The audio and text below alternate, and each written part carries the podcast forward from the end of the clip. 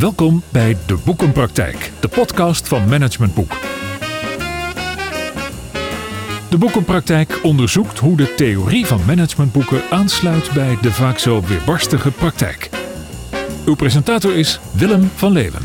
De zorg zou mijns inziens veel harder kunnen innoveren als we meer vertrouwen en experimenteerruimte geven aan de zorgprofessionals zelf. Dat is de toekomstvisie op de zorg van directeur Wouter Hoge bij Centif, een zorgaanbieder in de basisgeestelijke gezondheidszorg. Wouter geeft al vijf jaar leiding aan deze organisatie in de zorg en realiseerde daar een bedrijfscultuur met zeer tevreden medewerkers en een laag gerelateerd ziekteverzuim. En Wouter is ook auteur van het boekje Betere Zorg met Minder Doekoe, waarin hij 13, en let op, een derde tip erbij nog geeft voor organisaties in de zorg die meer succesvol willen zijn. Wouter is de gast in deze aflevering van eh, de Boekenpraktijk natuurlijk. Welkom Wouter, fijn dat je mijn gast wil zijn. Ja, mooi om hier te zijn, eh, Willem. Dankjewel, dankjewel. Een boekje met tips uh, voor een betere bedrijfsvoering in de zorg. Wat maakt dat dat nodig is? Ja, ik wou dat het niet nodig was, uh, Willem. Want dan, uh, dan zou het al een heleboel heel stuk beter gaan, denk ik. Mm -hmm. Nee, uh, ja, ik hoorde zoveel klaagverhalen allemaal over hoe dingen in de zorg gingen. Gebrek aan leiderschap, maar ook hoe dingen georganiseerd werden. Bureaucratie, tijdverspilling. dat ik dacht, ja, daar moet echt wat aan gebeuren. Daar waren wij mee bezig.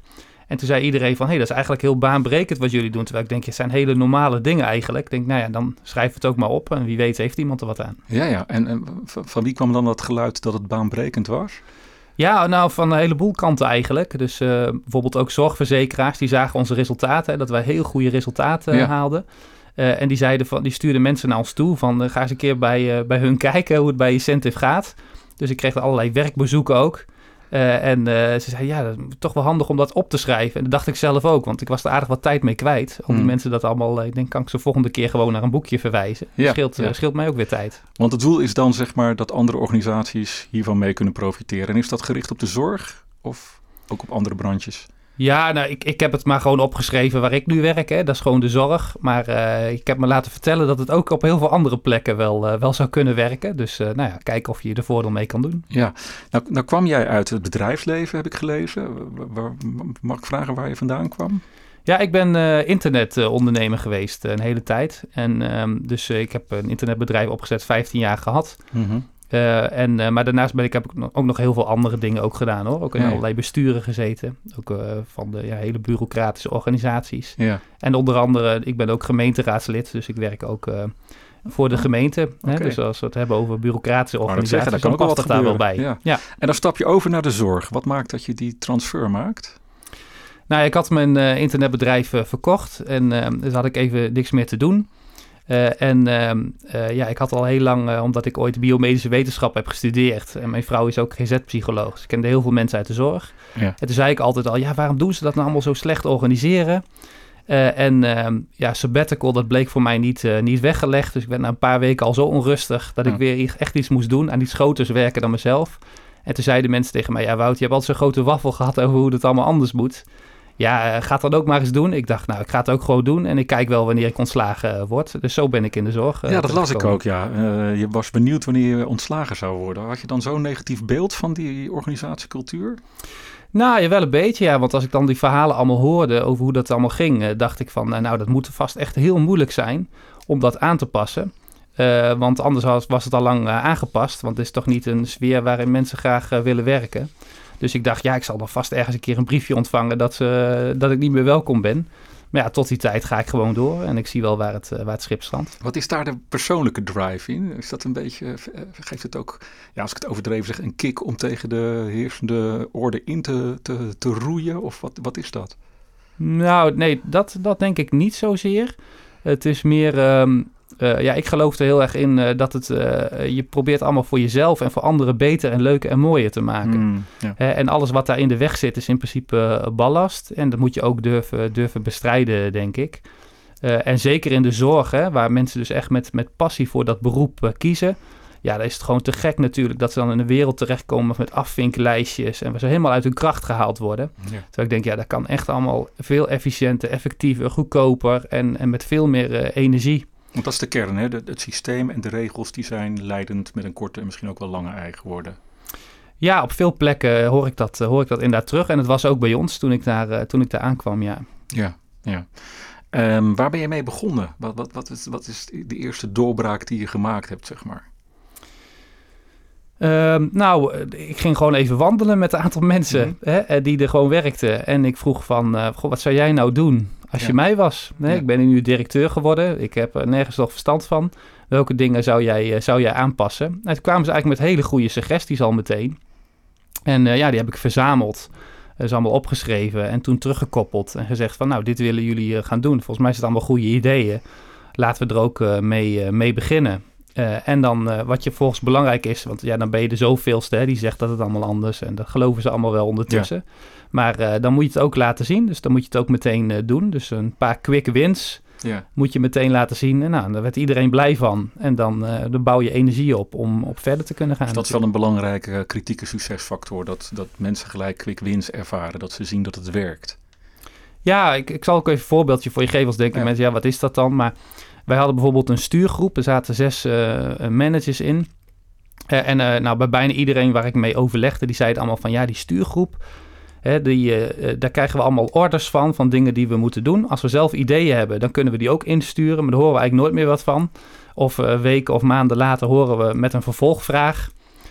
en dus ja, het is een soort black hole waar dingen in verdwijnen. Nou, en dat, daar waren ze vrij duidelijk in. Dus ja, mijn eerste voorstel in de stuurgroep toen ik daar was, was ook om hem op te heffen. Hm. En ja, dat leek hun niet zo'n goed idee, want ja, ze zeiden, hoe gaan we dan sturen? Dus toen heb ik voorgesteld om hem gewoon tijdelijk te schorsen tot blijkt dat hij weer uh, nodig uh, is om te kunnen sturen. Maar hij is natuurlijk nooit meer teruggekomen, nee. die stuurgroep. Ja, dan zijn de mensen meteen blij. Denken ze, ah, gelukkig, hè, dan kun je met iemand overleggen waar we echt uh, dingen voor elkaar kunnen maken. Het is zo'n paarse olifant die eigenlijk verdwijnt uit de organisatie, omdat het een, een ja, een bureaucratische club eigenlijk is. Maar daar zijn mensen ja. dan toch niet blij mee als je bij zo'n stuurgroep komt en je zegt: Zullen we jullie gaan opheffen? Mensen halen daar toch ook een beetje status uit, denk ik altijd, of niet? Ja, er ligt ook. Ik vat het nu natuurlijk heel kort samen. Willem. Ik heb natuurlijk wel een klein beetje diplomatiek uh, gebracht. Maar uh, ja, managers uh, zijn over het algemeen ook heel druk met dingen. Hè? Dus ze zijn ook blij als ze tijd over hebben om iets anders te doen. Ja. Dus als het een beetje zo vreemd van, nou, als we dit doen, dan heb je, kun je ondertussen weer al een hoop andere dingen doen. Als het echt nodig is, dan komt het gewoon weer, weer terug. Ja. En ja, soms moeten mensen ook daar wel een beetje tegen kunnen natuurlijk, als je, als je aangeeft dat iets, iets anders moet. Ja. Um, toen ik het uh, boekje in mijn handen kreeg, uh, en nou ja, 13 en 1 derde tip, dat, dat maakte me natuurlijk wel nieuwsgierig. Hè? Waarom nou weer de 13 en 1 derde tip? Maar ik had ook een beetje zoiets van, oh, weer zo'n boekje met how-to. En de zeven, de zeven, zeven tips naar meer geluk in je leven, zeg maar. Heb je daar ook nog over nagedacht of niet? Want dat zijn van die Amerikaanse formats die dan uh, nou, toch wel een beetje plat zijn, zeg maar. Nou, om heel eerlijk te zijn, niet echt, Willem. Dit is mijn eerste boekje. Ik had helemaal geen ambitie om ook zo'n boek te schrijven eigenlijk.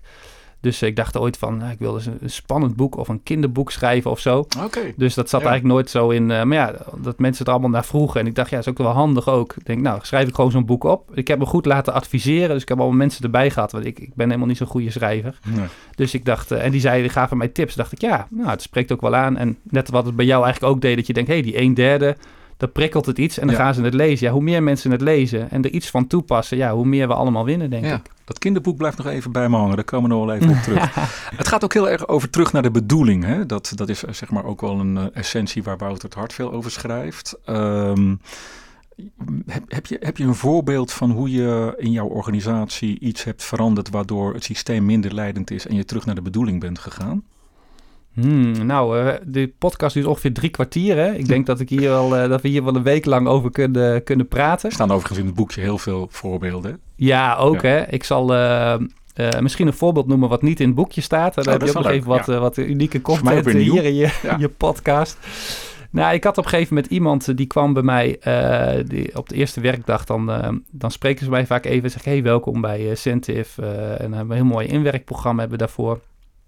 en die zei, ja Wouter, ik heb allemaal hele goede verhalen gehoord over hoe dat allemaal bij jullie gaat. Ik kom zelf ook uit een zelfsturende organisatie. Hè, maar uh, ja, daar waren toch ook dingen niet allemaal zo zelfsturend. Dus ik zoek eigenlijk nog wel een beetje wat hier de, het addertje onder het, onder het gras is. Hmm. Uh, en ik zei, uh, ja, dan kun je daar dan een voorbeeld van noemen. Nou, zei ze van op een gegeven moment, uh, toen uh, kwamen de verzekeraars met uh, dat ze 20 of 25 procent van hun consulten moesten dan digitale consulten zijn. Dat werd dan top-down geïntroduceerd. Ja, daar moesten wij dan toch zelfsturend allemaal oplossingen en zo voor bedenken. Hoe gaat dat dan bij Centif? En ik zat erover na te denken. Zei, ja, volgens mij zijn ze bij ons ook met die vraag gekomen. Maar toen zei ik gewoon nee.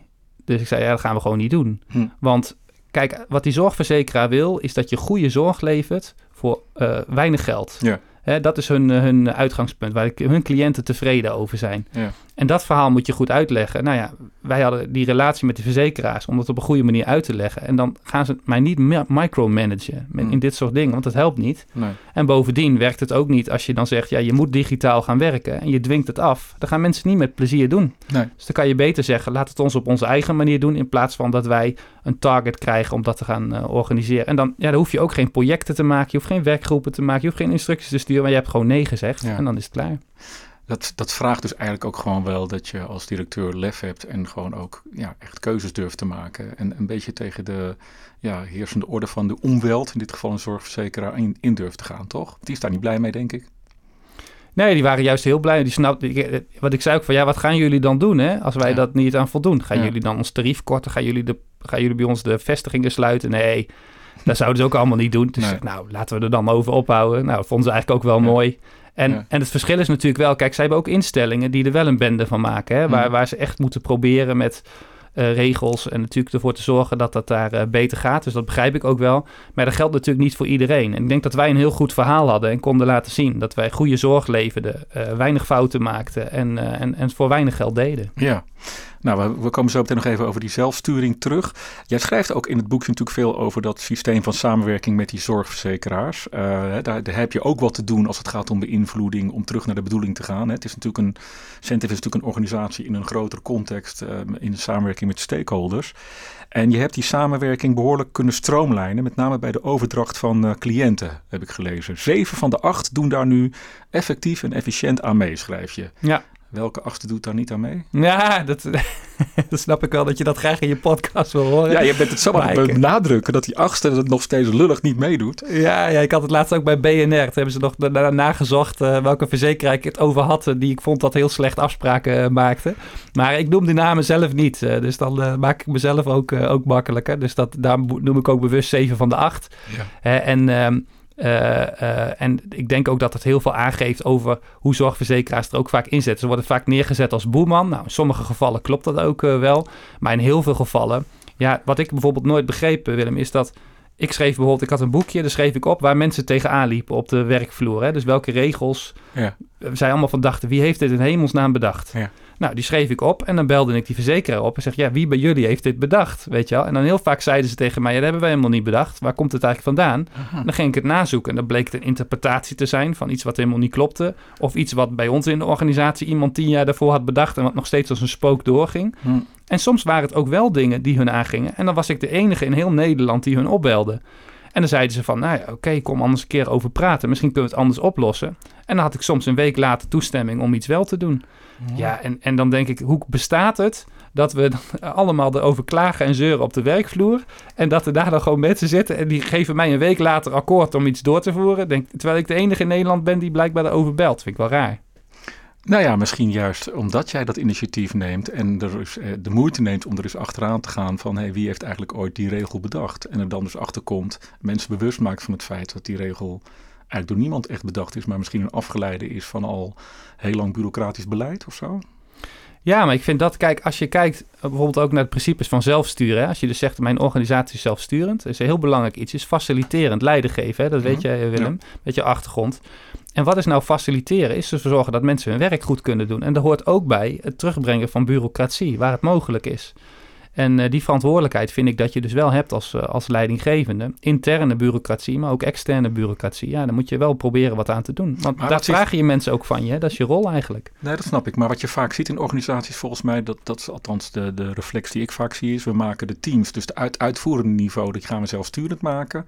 Maar het niveau daarboven blijft lekker op controle en beheersing leiding geven. Dus we, Ja. we ontwikkelen die leidinggevers niet naar leiding geven, maar laten ze continu managen, zeg maar. Ja. Wat heb je daar dan aan gedaan? Die manager in jouw organisatie die altijd maar lekker wilde managen, zeg maar.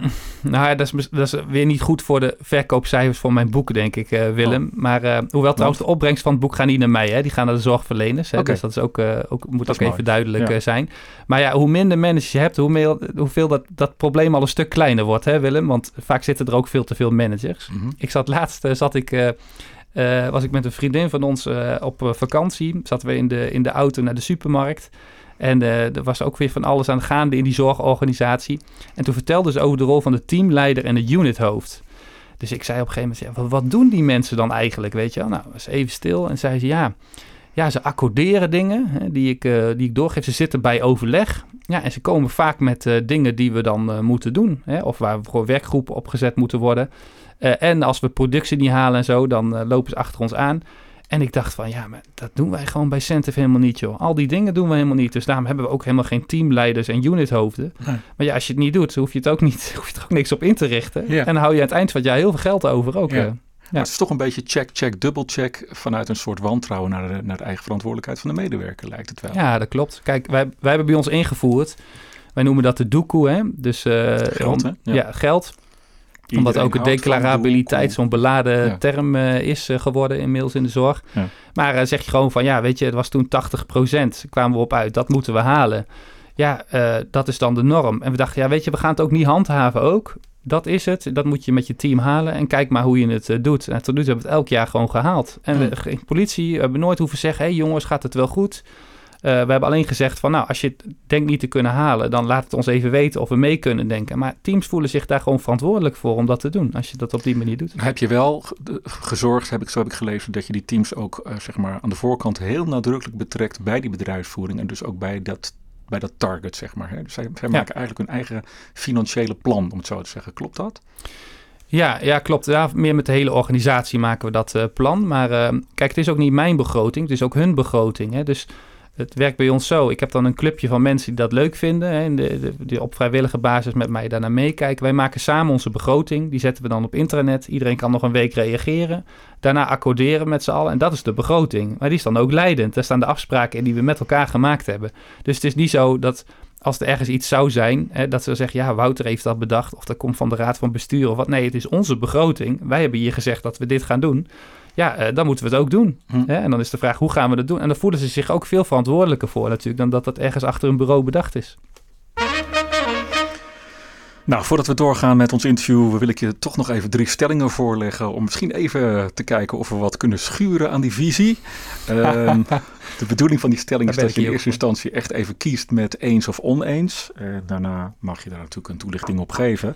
Stelling 1. Ondanks voorbeelden van organisaties met een succesvolle bedrijfsvoering, zoals Centif nu is, vindt er weinig kopieer- en leergedrag plaats door de andere instellingen binnen de zorg. Eens. Stelling 2. Regels in een organisatie die in de kern onzinnig zijn, blijven vaak toch intact omdat de meesten van ons niet de lef hebben ze naast ons neer te leggen. Eens. Stelling 3. Teams, daar gaat hij over die zelfsturing. Teams echt zelfsturend maken is een illusie, omdat dat voorbij gaat aan de zucht naar invloed vanuit eigen belang van zowel teamleden zelf als ook van het management daarboven. Mm, oneens. Die eerste stelling, um, ja, je, je, je, hebt een, je hebt een succes, hè? Je, hebt tevreden medewerkers, laag ziekteverzuim. Je hebt eh, nou, misschien wel een organisatie waar zelfsturing nu op een goede manier tot stand is gekomen. En toch ben je het eens met een stelling waarin je zegt: ja, er wordt eigenlijk te weinig uh, geleerd van, van hoe wij het doen. Er wordt te weinig gekeken naar hoe wij het doen en in andere zorginstellingen ook um, toegepast. Hoe komt dat dan? Ja, Willem, dat, ik, ik hoop eigenlijk dat iemand anders daar een antwoord op heeft op die vraag, want ik snap het nog steeds niet. Kijk, ik, ik begrijp als je uiteindelijk zegt, de bedrijfsvoering leidt eronder. Hè. We krijgen er daardoor financiële slechte resultaten. Of we, we krijgen daardoor incidenten. Of uh, hè, dat je daardoor controle en zo moet uitoefenen. Dat begrijp ik heel goed. Maar bij ons is dat allemaal niet het geval. Wij hebben hele goede bedrijfsvoering en geen incidenten. Als je kijkt naar onze, hè, de kwaliteit zoals het door de zorgverzekeraars ook wordt uh, beoordeeld. Vorig jaar nul fouten gemaakt, weet je wel. Dus ik, wij begrijpen, niemand bij Centif, ook ex-medewerkers, begrijpen niet waarom anderen dat niet ook zo doen. Mm -hmm. Hè, en het begint bijvoorbeeld al bij iets ja, is al even een voorbeeldje, want dan is het ook wat praktisch. Ja. Uh, want daar gaat dit tenslotte over, hè, de boekenpraktijk. Zeker. Kijk, als wij mensen aannemen bij Centif, dan nemen we mensen aan waar iedereen het mee eens is. Hè. We hebben een veto-procedure bijvoorbeeld, staat ook in het boek uh, beschreven.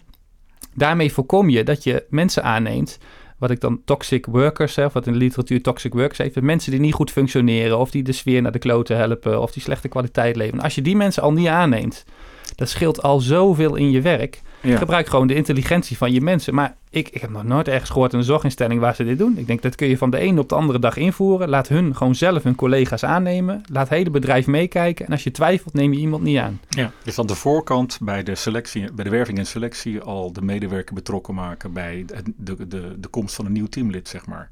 Ja. Ja, tegelijkertijd, uh, dat is een beetje de Pareto-regel. Want je schrijft ook veel leidinggevenden melden mij dat ze 80% besteden aan 20% van de medewerkers die onderpresteren. Belangrijkste punt, neem die 20% gewoon niet aan door de intelligentie van jouw medewerkers te gebruiken. Nou, dat heb je zo dus opgelost. Maar is dat echt zo makkelijk? Want volgens mij is er altijd een kleine groep onderpresteerders in een team of op een afdeling. Er zijn altijd mensen die toch weer een beetje aan de achterkant van de kar gaan hangen. Of ben ik nou gewoon negatief?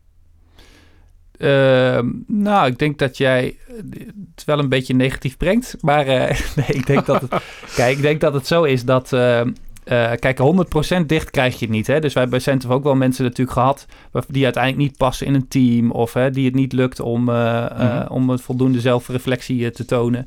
Maar dat zijn echt enkele uitzonderingen geweest. Want echt, je ziet dat op het moment dat jij die, die intelligentie van die mensen inzet, dus die hele organisatie, want die kennen elkaar allemaal via via, hè, van uh, vorige werkgevers, van opleidingen die ze gedaan hebben. En dan weten ze op een gegeven moment, oh, dat is iemand, daar krijg ik jeuk van. Nou, die moet je gewoon niet aannemen. Dat scheelt al zo verschrikkelijk veel tijd.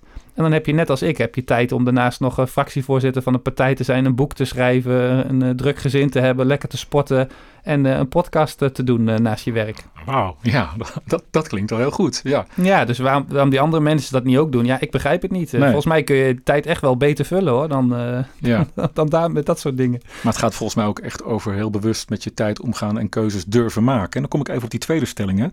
Regels in een organisatie die in de kern onzinnig zijn, blijven vaak toch intact, omdat de meeste van ons niet te lef hebben ze naast ons neer te leggen. Jij heeft, promoot in je boek heel erg om uh, jouw medewerkers uh, vooral heel kritisch te laten zijn over elke regel. En als een regel niet werkt, dat vooral ook, nou ja, um, uh, zeg je dat, te, te bedden te brengen, zodat ze, daar een gesprek over ontstaat.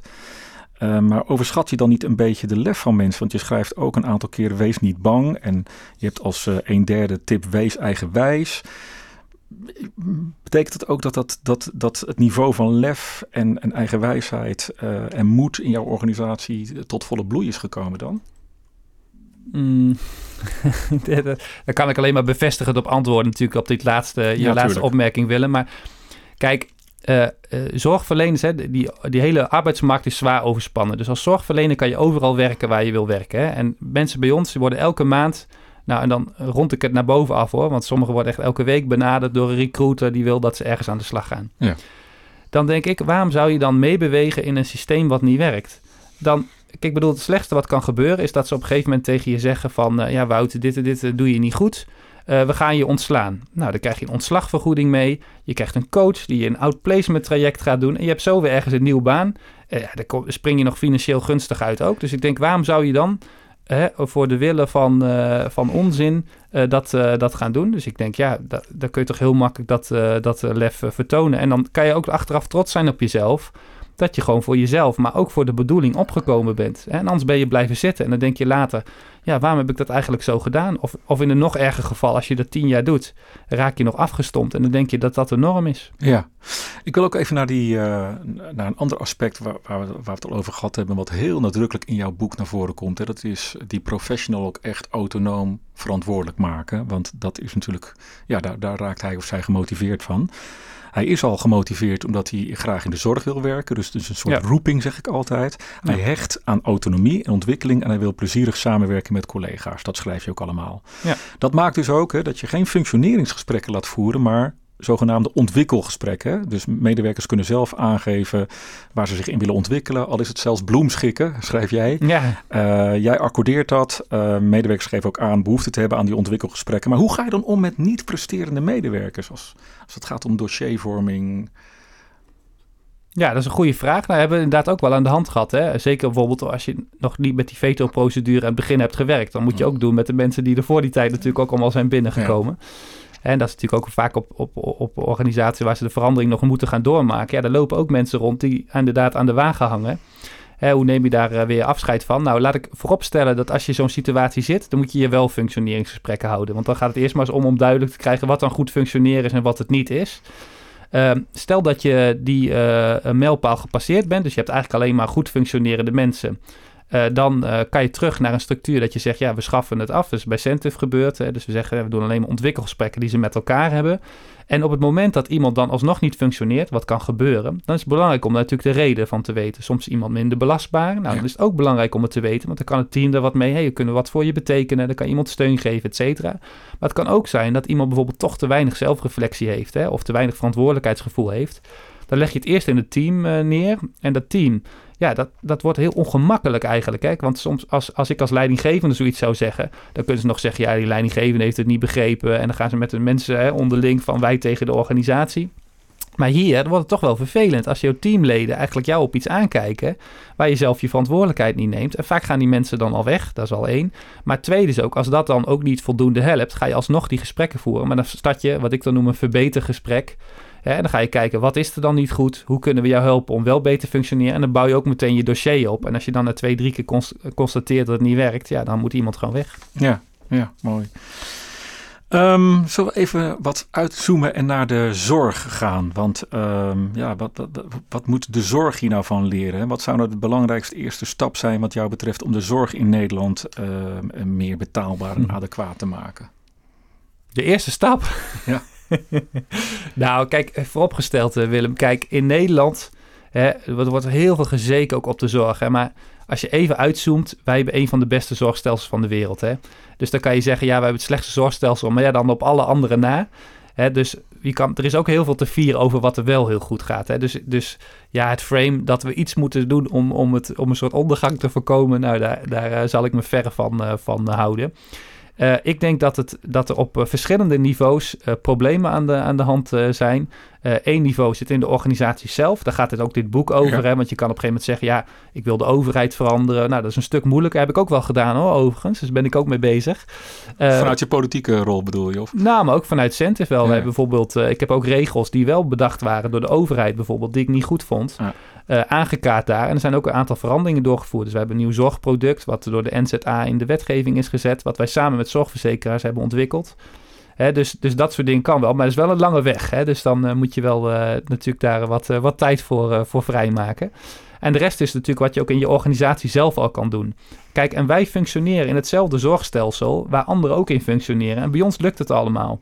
Dus waarom zou het bij hun ook niet lukken? Mm -hmm. Dan denk nou, probeer eerst die dingen eerst te doen. Hè. Zorg eerst dat je je eigen huis op, uh, op orde hebt. Laat zien dat het werkt. Ja. Laat zien dat het werkt. En daarnaast is het belangrijk om natuurlijk ook landelijk te kijken. Maar ook zelf aan te geven als je iets ziet. Wat ik vaak doe, is in de zes jaar tijd dat ik nu dit uh, werk doe, krijgen we heel vaak regels weer vanuit landelijk. Ja. Heeft de een of andere kwaliteitsraad weer iets bedacht. En ja, tot nu toe, ik vind 90% slecht van wat is bedacht. Want dan denk ik van, wat schieten wij daar nou mee op? Het is alleen maar extra vinken. Ik, ik heb uh, van vorige week nog weer drie velden moeten toevoegen aan het intakeformulier. Ja. Terwijl wij eigenlijk een klanttevredenheid hebben 9,1. Hè? Ja. Uh, een hele goede behandelresultaat. Dan moet ik drie velden toevoegen aan mijn intakeformulier. Wat al die behandelaren weer elke sessie moeten gaan, gaan vragen aan hun cliënten. En dan denk ik, wie bedenkt dit? Nou, ik weet welke mensen dit bedenken. En daar kaart ik het dan ook bij aan. Van jongens, is dat nou nodig? Kan het niet één zijn? Of welke drie andere velden gaan er dan vervallen? Ja, ja die mensen zeggen dat is nodig natuurlijk, toch? Die mensen zeggen dan, dat is nodig, dat heb ik bedacht. Die, die, die, komen niet ja. ochtends hun bed uit om, uh, om zorginstellingen te pesten. Nee, nee, dat klopt. Hè. Die doen het met alle intenties, et cetera. Nou, je hebt natuurlijk ook beleidsmedewerkers. Die hebben als opdracht het formuleren van beleid. Ja, een heel groot deel van mijn werk is het tegenhouden van beleid. Mm-hmm. Hè, omdat heel vaak gewoon natuurlijk achter een bureau vaak maar bedacht okay, wordt dan, en niet dan, werkt. Dan zeg jij, is dit nou nodig? Hoe gaat dat dan verder, dat gesprek? Want zij zeggen dan, dat is even mijn aanname, ja, dat is nodig. Hoe verander je dan toch dat die extra lijstjes al moeten worden ingevuld? Nou, wij hebben bijvoorbeeld ook een branchevereniging, hè, de Nederlandse GGZ. Uh, daar ben ik ook heel actief in. En dan uh, constateer ik dat iets gewoon niet werkt. En dan bel ik een paar andere bestuurders op. En die zeggen, ja, dit is ook waardeloos. Nou, dan gaan we met de Nederlandse GGZ, sturen wij een brief. En dan zeggen we van, ja jongens, dit kan niet zo. Want het leidt alleen maar tot extra vinken en niet tot extra vonken bij mensen. Ja. Uh, dus ja, kunnen we dit niet anders doen? Nou, dan krijg je soms inderdaad, we hebben afgelopen half jaar ook een keer gehad met de kwaliteitsrecht, krijg je een niet terug. Hè? Dus van, nee, dat gaan we niet doen, want het document is al gepubliceerd. Ik zeg, dat is geen argument. He, dus dan gaan we kijken of we het uh, alsnog in de, in de bijlagen of zo uh, veranderd krijgen. En nu zie ik ineens beweging, dus dat het toch uh, lukt om, om dat aangepast te krijgen. En dan maken ze toch een uitzondering voor onze setting. Ja, soms moet je dan eventjes, eventjes doorzetten. En soms lukt het ook niet. Hè? Dus ik heb ook van alles geprobeerd waar ik ook een nee kreeg en een bureaucratisch moeras ingestuurd werd waar niemand de verantwoordelijkheid nam. Ja, dat is gewoon uh, lastig. Ja, en, en, dan op een gegeven moment moet ik denken, weet je, ik zit dan op mijn paard met mijn uh, lans en dan denk ik, ja, dit is echt een windmolen. Ja. Hè? En uh, ja, daar heeft geen, geen zin om tegen te strijden, dus dan rijd ik weer door naar de, naar de volgende. Hè, maar uh, dat is wel, zijn wel de twee levels waarop dit plaatsvindt. Maar mijn ervaring is dat het ook in heel veel gevallen wel lukt. En anders ze zich in ieder geval even lullig voelen. En dat is misschien soms ook al wel mooi. Ja. Dat ze even zien dat er wat tegengas gegeven wordt. En dat er hun gevraagd wordt naar wat de bedoeling is. En de bedoeling is niet controle en niet het systeem. Maar de bedoeling is het leveren van goede zorg met gemotiveerde professionals. Ja. Ik moet nu toch ineens weer aan dat kinderboek denken. Want het is toch een beetje de held op het paard die, uh, die de wereld om zich heen uh, een beetje opschudt. Omdat we een beetje ingeslapen zijn in allerlei regels en procedures. Dat zou toch een mooi jongensboek zijn? Wat ben ik dan... Uh, nou ja, ik uh, neem het ter kennisgeving aan, uh, Willem. Ik neem het ter kennisgeving aan. Nee, maar het zou ook een hele mooie metafoor zijn. Want dat is wel een beetje de teneur die erin zit. Hè? Volgens mij heb jij de ballen, als ik het zo even plat mag zeggen... om uh, vanuit het bedrijfsleven op zo'n directeurstoel te gaan zitten... en gewoon eens even te gaan schudden aan die boom daar. Ja, en het voelt bij mij niet zozeer als zijnde van de ballen of, of lef of wat dan ook. Maar het voelt echt van, kijk, ik denk altijd uh, over, uh, ik ben nu 42, weet je, over 50 jaar of misschien met CRISPR-technologie en dat soort dingen over 80 jaar, maar dan ben ik een keer dood. En in die tussentijd wil ik toch proberen het mooiste ervan te maken. Mijn talenten te benutten om het voor anderen leuker te maken. En daarmee ook voor mezelf. Want dan krijg je ook zelf een goed gevoel van als je het voor anderen beter doet. Dus dat voelt gewoon wel voor mij echt als een missie. En en dat, dat wil niet zeggen dat je overal natuurlijk gelijk in hebt. Want je moet heel goed luisteren naar wat anderen zeggen en, en dat, uh, dat uh, meewegen. Maar ja, ik laat me niet uh, tegenhouden omdat iets nou eenmaal opgeschreven is. Of omdat mensen iets, soms iets met een verkeerde bedoeling doen. En dan denk ik, ja, dan ga ik gewoon door tot het verandert. Maar dat zouden veel meer leidinggevenden en directies moeten doen. Want dat is hun rol om ervoor te zorgen dat hun mensen goed hun werk kunnen doen. Ja. Dat is ja. echt je hoofdrol die je hebt. Ja. Als je dan kijkt naar die 13 en 1 derde tip, welke tip is dan jou als persoon meest op het lijf geschreven? Oh jee. Is dan wees eigenwijs? Uh, dat is een gewetensvraag. Ja, ik heb het boekje al even niet meer uh, doorgelezen. Ik was blij dat het klaar was. dus ik, ik, ken de tips allemaal niet, uh, niet, niet uit mijn hoofd. Ehm, ja, wat mij op het lijf geschreven is. Nou, ik denk misschien wel die, die, die, die, die een derde op het eind, hè, van het toch wees eigenwijs. Kijk, uh, zeker ook toen het er net kwam, was best wel onzeker. Hè? Van, ja, hoe werkt het hier eigenlijk, weet je wel? En dan, dan moet je goed kijken, je moet goed opletten. Maar op een gegeven moment als je denkt, ja, maar dit klopt gewoon niet. Mm En dan is, kan de neiging zijn te denken, ja, nou ja, dat, ik zal het wel mis hebben. Maar probeer dan toch denk ik bij jezelf te blijven. En te denken, ja, maar als ik het gevoel heb dat dit niet klopt... dan zou het ook wel eens kunnen zijn dat het niet klopt. Mm En misschien kan het dan worden aangepast. Ja. Het boekje is klaar. Je hebt het al een tijdje niet meer gelezen, zeg je. Uh, is er iets gebeurd? Heb je veel reacties gekregen vanuit de zorg? Wordt er veel te deur geklopt van... hé, hey, Wouter, kom eens langs bij ons, want we willen hier meer van leren? Of wat is de spin-off tot nu toe geweest? Nou, eigenlijk vrij... Uh, ja, ik weet natuurlijk niet wat normaal is hè, bij zo'n boekje. Maar uh, nee, ik, vind het eigenlijk, ik had eigenlijk verwacht... Ehm, dat het uh, veel meer nog opgepakt zou worden. Ik ben allemaal wel op BNR geweest en uh, allemaal mensen referenties geschreven. En ik was natuurlijk ook uh, nummer één manage op managementboeken een mhm. tijdje. Dus in die zin wel, maar ja, er wordt mij toch vrij weinig gemaild of gebeld. Of er zijn wel een aantal geweest hoor. Maar van hoe doe je dat dan? Nou, dan hoop ik dat het boekje duidelijk genoeg is dat ze het zelf kunnen. Dat is natuurlijk mooi hè, dat kostte mij ook geen tijd. Ja. Maar tegelijkertijd, als die verhalen allemaal horen over hoe het in de zorg nog steeds gaat, dan denk ik, ja, jongens, er is nog zoveel te doen. Weet je wel, ik heb het nog bewust zo opgeschreven, Willem, van tevoren. Dan hoef je het hele boekje niet te lezen. Gewoon de 13 tips. Doe die, die gewoon. Pak de, desnoods vijf. Ja. Weet je, en dan maak je eigen leven en dat van je mensen al een stuk makkelijker. Maar uh, ja, toch uh, is er denk ik nog wat zendingsdrang nodig. Daarom ben ik hier ook.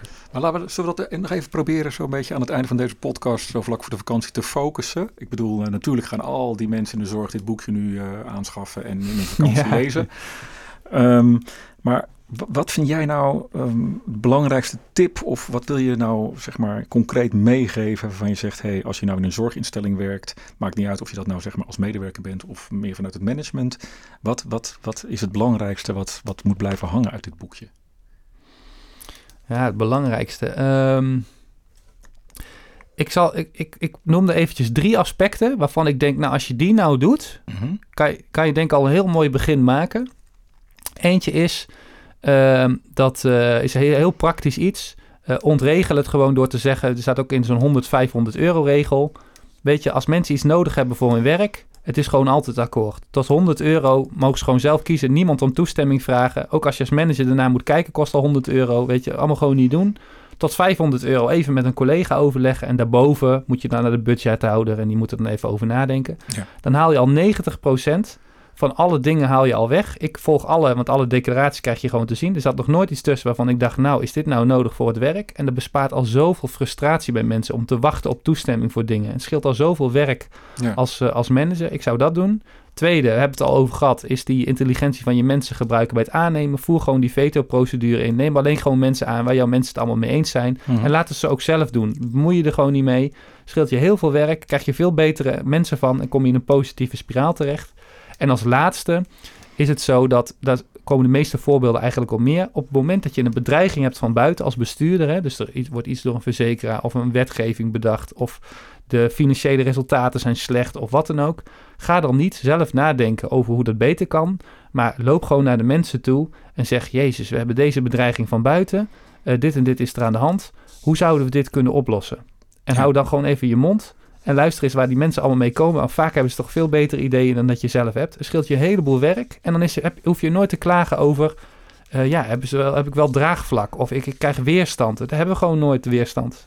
Mooi, dankjewel voor eh, jouw komst en jouw eh, ja, hele concrete uiteenzetting. eh, ook hier in de podcast, maar ook in het boekje over hoe je volgens mij deze wereld van zorg, van bureaucratie, die overigens niet alleen in de zorg natuurlijk plaatsvindt, hè, maar volgens mij in heel veel organisaties waar de computer nog steeds no zegt, een beetje te doorbreken. Dankjewel Wouter voor, voor jouw bijdrage. Ik, ja, ik heb ook wel een staaltje eigenwijs leiderschap gezien, gevoeld en gehoord. En eh, nou, daar ben ik, eh, daar ben ik wel, eh, wel blij mee. Dankjewel. Nou, heel graag gedaan. Ik hoop dat iemand er wat mee kan. Ja, dat hoop ik ook. Het boekje is natuurlijk te bestellen. Hè? Betere zorg met minder doekoe van Wouter Hoge op managementboek.nl. Dit was de laatste aflevering van het eerste seizoen van de boekenpraktijk. We gaan even met de zomerstop, maar na de zomer zijn we bij je terug. Als je ondertussen toch wat te luisteren zoekt in de tussentijd, zoek dan de podcast Denktank van Denkproducties eens op. In de laatste aflevering bijvoorbeeld van Denktank spreken Remy Gieling en Hans Jansen met Mark Tuitert over zijn boek Drive en de kunst van het stoïcisme. Ja, dan eh, rest mij eh, hartelijk te bedanken natuurlijk voor het beluisteren van deze podcast. Als je vragen of opmerkingen of suggesties hebt, dan ben je van harte welkom, want wij willen ook graag leren. Mail dat dan SVP even naar ons eh, mailadres info@managementboek.nl. En tevens kan je natuurlijk op deze podcast abonneren, zodat je nooit meer een aflevering hoeft te missen. Ga daarvoor naar managementboek.nl slash podcast. Een fijne zomer. Tot zover de praktijk van boeken. Kijk voor meer afleveringen of een abonnement op de boekenpraktijk op managementboek.nl/slash podcast.